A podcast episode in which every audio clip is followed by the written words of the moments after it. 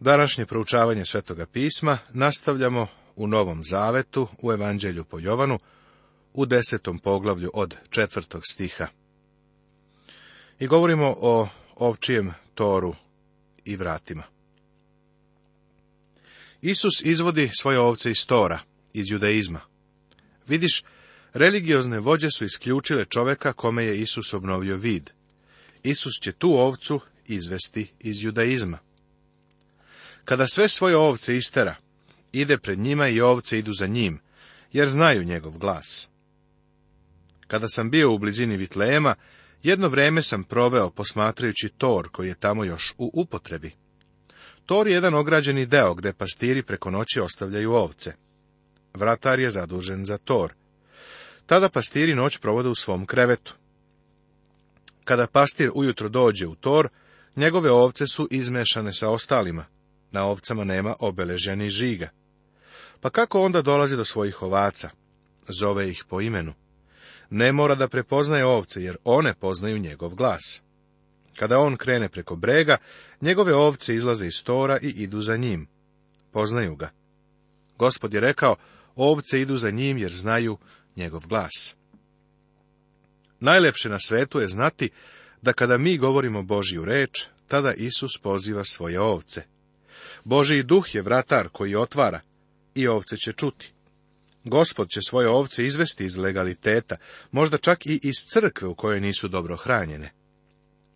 Ići će za njim. Ne možeš stalno zavaravati Božije ovce. Istina je da ovce mogu da zađu u sektu ili neki izam, ali one prepoznaju glas pastira. Nažalost, mnogi propovednici se plaše da se zalažu za istinu. Međutim, kada čovek propoveda reč Božiju, ovce će čuti. Na to se možemo osloniti, jer je gospod rekao, moje ovce slušaju moj glas. Za tuđinom neće ići, nego će bežati od njega, jer ne poznaju glasa tuđinaca. Verujem da jedno vrijeme neke iz Božijeg naroda možeš zavaravati, ali ne verujem da ih možeš stalno zavaravati.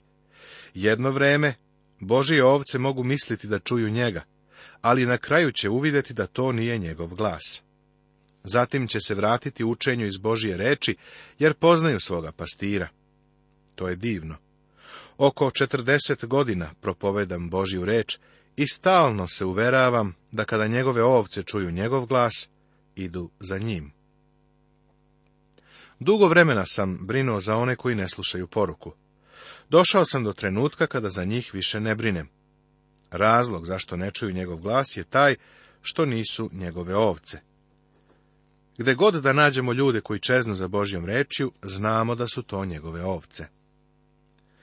Isus im kazao ovu priču, ali oni nisu razumjeli šta im je govorio. Reč priča verovatno nije tačan prevod. Grčka reč za priču je parabola, a u ovom stihu stoji reč paroimija, što doslovno znači alegorija. Jovanovo evanđelje ne beleži gospodnje parabole ili priče. Ono beleži metafore i alegorije, kao što je izjava ja sam svetlost sveta ili ja sam hleb života. Ovo nisu parabole, već govorne, stilske figure koje nam nešto o Bogu objavljuju. Njihova namera je da nam obasjaju neku temu, da bismo je videli. Tako u stvari treba da piše Isus im kaza ovu alegoriju nisu razumeli šta im je govorio, kao što je i rekao, bili su slepi. Gospod je rekao, ko ima uši, neka sluša. Moguće je imati uši, a ne čuti. Oni su sve lepo čuli, ali je nisu čuli kao Božju reč. Ovo je važno. Dragi moji, kako ti slušaš? Važna je ova razlika u slušanju, na koju je gospod uputio kada je citirao proroka Isaiju. Slušat ćete i nećete razumeti, gledat ćete i nećete vidjeti. Vrata za ovce Reče im opet Isus, zaista, zaista kažem vam, ja sam vrata za ovce. Svi koji su došli pre mene, lopovi su i razbojnici, ali ih ovce ne poslušaše. Ovde nam daje sljedeću alegoriju. Govorio je o vratama na toru, ali sada ide korak dalje i kaže da je on vrata za ovce. Gospod Isus je vrata za one koji izlaze iz Izraela. Oni su upravo izbacili slepce iz sinagoge iz Tora. Gospod Isus je odmah došao kod ovog čoveka i otkrio mu se. Kada se gospod otkrio tome čoveku, postao je vrata za tog čoveka. Čovek je izveden iz Tora, doveden pred gospoda Isusa Hrista da ga sledi. Ovo je druga velika istina koju nam gospod iznosi u ovom poglavlju. U Jovanu u 15. poglavlju gospod će izneti isti ovaj princip i reći ja sam pravi čokot, vi ste loze. U starom zavetu čokot je slika izraelskog naroda. Isus govori da više nije u pitanju veza sa izraelskim narodom nego sa njim, odnosno spajanje grana sa čokotom. Moraju izaći iz judaizma, izaći iz rituala i doći njemu. Isus kaže da je on vrata. Upamti, on se ovdje obraća religioznim vođama, starešinama. Usput, da kažem, nakon Hristovog vaskrsenja neki od njih su mu prišli. Vrata Ja sam vrata. Ako ko uđe kroz mene, bit će spasen, ulazit će i izlazit će i pašu će nalaziti. Lopov dolazi samo da ukrade, zakolje i upropasti. Ja sam došao da imaju život i da ga imaju u izobilju. Isus Hristos je put. On je jedini put. On je za tebe izlaz i ulaz. Došao je da nam donese izobilan život. Lopov dolazi da ukrade, da ubije i da uništi ili razori. Mislim da je ovo test koji možeš primijeniti na crkvu, versku organizaciju, radio ili televizijski program. Da li je u pitanju verska prevara? Da li se neko na osnovu toga bogati?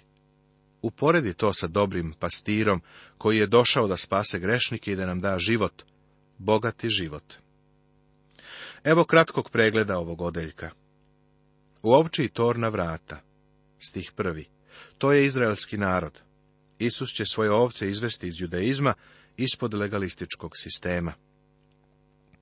Vrata za ovce, stih sedmi. Isus je vrata za one koji izlaze iz judaizma. Pogledaj ekskomuniciranog čoveka, koji je bio slep. On ih je pozvao da izađu. Spasti se od ovog pokvarenog naraštaja, kažu dela u drugom poglavlju. Treće vrata, stih deveti. Isus Hristos je vrata i za jevreje i za bošce. On je vrata za spasenje. Sloboda da se uđe i izađe i nađe pašnjak, jeste sloboda koju imaju sinovi Božiji u Isusu Hristu dobri pastir. Ja sam dobri pastir.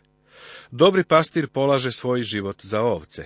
Najamnik koji nije pastir, kome ovce ne pripadaju, gleda vuka kako dolazi, te ostavlja ovce i beži, a vuk i grabi i raspudi, jer je najamnik i ne mari za ovce. Kako je Isus istovremeno i vrata i pastir? U stvari, na toru nije bilo vrata koja su se pokretala na šarkama i koja su imala katanac. Čovek koji je čuvao, spavao je s druge strane vrata, pa je on sam predstavljao vrata. Isus je ne samo vrata, nego je i dobri pastir, onaj ko stoji na prolazu. On je vrata koja se otvaraju za večni život. On je taj koji štiti one koji mu pripadaju. On je i dobri pastir. Isus se naziva i jagnjetom Božijim. Kako može biti jagnje Božije i istovremeno i dobri pastir?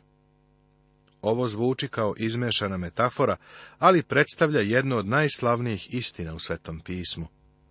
On je jagnje Božije koje uklanja greh sveta. On je sišao na zemlju i poistovetio se sa nama koji smo ovce, ali on je i pastir. Činjenica da je postao jagnje ističe ljudsku prirodu Isusa Hrista. Činjenica da je dobri pastir naglašava Hristovo božanstvo. Samo On je bio vredan da nas spase. Nijedno drugo ljudsko biće nije moglo da nas spase. To je morao biti Bog. Gospod Isus Hristos ima trostruki odnos prema svome stadu, koje se naziva i crkvom. Pre svega on je dobri pastir. Dobrog pastira on definiše u stihu 11. Ja sam dobri pastir.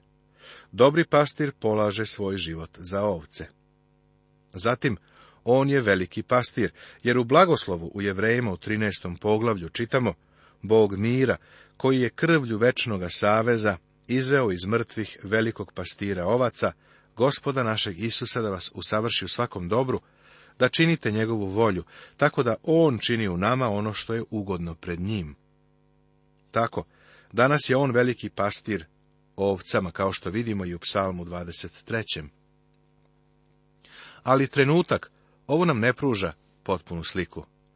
On je i arhipastir ili poglavar pastirima. Ovo nam govori o budućnosti. Petar u svojoj prvoj poslanici kaže I kad se pojavi arhipastir, primit ćete slavni venac koji ne vene. Najamnik ne brine za ovce. Osnivači nekih svetskih religija su za svoje sledbenike vrlo malo učinili. Savremeni lideri sekti se bogate na račun naroda. Suprotno ovome, dobri pastir za ovce daje svoj život i štiti one koji mu pripadaju. Ja sam dobri pastir i znam svoje i moje ovce poznaju mene. Kao što otac poznaje mene i ja poznajem oca i polažem svoj život za ovce. Evo divnog odnosa. On poznaje svoje ovce, a ovce poznaju njega. Pavle je napisao da poznam njega i silu njegovog vaskrsenja i učešće u njegovim stradanjima, saobražavajući se njegovoj smrti. Poznavati njega znači voleti ga. U vezi sa ovim treba pročitati ono što Bog govori o pastirima u svojoj poruci, izrečene kroz proroka Jezekilja u 34. poglavlju. Zapazi da je ovo treći put kako on kaže da ga njegove ovce poznaju. Jedino je važno poznavati Isusa Hrista. Sve ostalo je drugorazredno. Zato sam ja odustao od raspravljanja o stvarima koje nisu suštinske. Dosta je prepiranja u religiji i detaljima. Važno je poznavati Isusa, Hrista. Čuješ li njegov glas? Poznaješ li pastira? Nema pastira kao što je ovaj. David je rizikovao svoj život da bi spasao svoje ovce od medveda i lava. Davidov sin je dao svoj život za svoje ovce. Imam i druge ovce koje nisu iz ovoga tora, i njih treba da dovedem, pa će slušati moj glas i bit će jedno stado, jedan pastir. Postoje znači i druge ovce koje nisu iz ovoga tora, iz tora Izraela, ali i drugi će čuti njegov glas. I onda će nastati jedno stado, jedan pastir. U ovoj drugoj rečenici stvarno piše stado, a ne tor. Vidiš, bit će jedno stado i jedan pastir. Postojaće jedno stado koje sadrži jevreje i neznabošce, bogate i siromašne, svezane i slobodne, muškarce i žene, ljude iz svakoga naroda, jezika i plemena. Otac me ljubi zato što ja polažem svoj život da ga opet uzmem. Nikoga ne uzima od mene, nego ga ja sam od sebe polažem. Imam moć da ga položim, a mogu da ga opet uzmem, Ovaj nalog sam primio od svog oca. On kaže da je sve ovo volja očeva. Otac ga voli jer je umro za nas. Mi treba njega da volimo jer je umro za nas. Svoju dušu je prineo kao žrtvu za greh. U toku ona tri sata tame na krstu, Bog otac je na njega stavio grehe sveta, pa je Isus radi tebe i mene prošao kroz pakao. Dobri pastir je svoj život dao za ovce. On ovdje vrlo jasno pokazuje da je voljno dao svoj život. Dok su mu sudili, on je imao potpunu kontrolu. Također je i odredio vreme svoje smrti. Jevreji su rekli da to ne bi trebalo da se desi u toku praznika, da ne bi došlo do meteža, pobune među ljudima, ali on je bio razapet na praznik. Nikada se više nije pokazao kao car nego kada je otišao na krst. Ako pažljivo čitamo evanđelja, uvidjet ćemo da je na suđenju bila rimska uprava, na suđenju je bio izraelski narod, ti i ja smo bili na suđenju. Iako on nije morao da umre, učinio je to voljno za grehe sveta. Gledajući na Isusa, začetnika i usavršitelja vere, koji je umjesto radosti koja je bila pod njim, podneo krst prezrevši sramotu. Nijedan čovek nije mogao da mu oduzme život. Imao je silu da ga položi i da ga opet uzme. Zbog ovih reči opet dođe do podvojenosti među judejima. Mnogi od njih govorahu, demon je u njemu i mahnita, što ga slušate? Drugi govorahu, to nisu reči besomučnog čoveka, zar može demon da otvori oči slepih? Ovo se odnosi na činjenicu da je otvorio oči čoveku slepom od rođenja. Tog dana ono mnoštvo ljudi je reklo, pa demon nikada ne bi mogao uraditi to što je ovaj uradio. Nastala je podela. Zašto? Jer su neki od njih bili ovce, a drugi nisu. Ovce će čuti, a drugi neće čuti. I danas je ista stvar kao u ono vreme. Gospod Isus Hristos je ili ludak, ili spasitelj sveta. On je ili pod uticajem demona, ili jeste sin Božiji. Kada je Pavle propovedao Atinjanima, neki su verovali, a neki nisu. Kada ja propovedam, neki veruju, a neki ne. Ne možemo očekivati da bude drugačije. Takozvani liberalni teolozi su najnedosledniji i najnelogičniji ljudi. Isus Hristos ne može biti samo dobar učitelj i veliki primjer. On je ili varalica ili sin Božiji. Isus Hristos i nas dovodi u tu dilemu, prijatelju ili je lud, ili je tvoj Bog i spasitelj. Božanstvo. Hristos izjednačen s Bogom. U Jerusalimu se tada slavio praznik osvećenja hrama, beše zima. Praznik Senica se održavao u posljednjem delu meseca oktobra. Praznik posvećenja je bio na kraju decembra pa je između ova dva praznika postojao dvomesečni vremenski interval. Ovaj praznik je obeležavao vreme kada je Juda Makabejac oslobodio hram od Antioha Epifana Sirica, koji ga je oskrvnio. Ovo se desilo 167. godine pre Hrista, a slavilo se u doba dok je gospod bio na zemlji.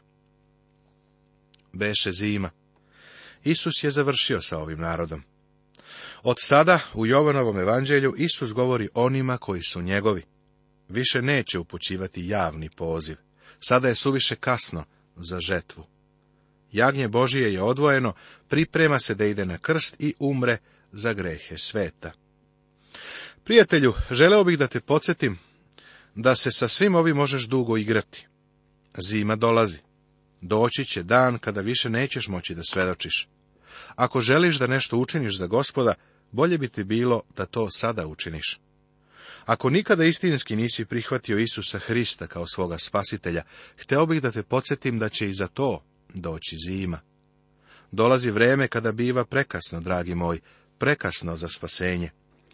Možeš biti uporan i odbacivati gospoda Isusa Hrista toliko dugo, da na kraju nećeš moći da ga prihvatiš. Prorok je govorio o ovoj mogućnosti. Žetva je prošla, leto minulo, a mi se ne izbavismo. A Isus je hodao u hramu po Solomonovom tremu. Judeji ga tako opkoliše i rekoše mu, dokle ćeš nam mučiti dušu? Ako si to Hristos, kaži nam slobodno. Tamo je bio veliki trem za neznabošce, za one koji nisu pripadali izraelskom narodu. Gospod više nije ulazio u hram. Bila je zima, a on je hodao po Solomonovom tremu. Isus se vrlo jasno njima pokazao. Oni koji su ga prihvatili razumeli su da je on bio Mesija, Hristos. Sjeti se da je Andrija rekao svom bratu, našli smo Mesiju, u prvom poglavlju Evanđelja po Jovanu. Natanajlo ga je prepoznao, Ravi, ti si sin Boži, ti si car Izraeljev. Samarijanka je shvatila ko je on bio, a Samarijani su rekli, sad ne verujemo zbog tvog kazivanja.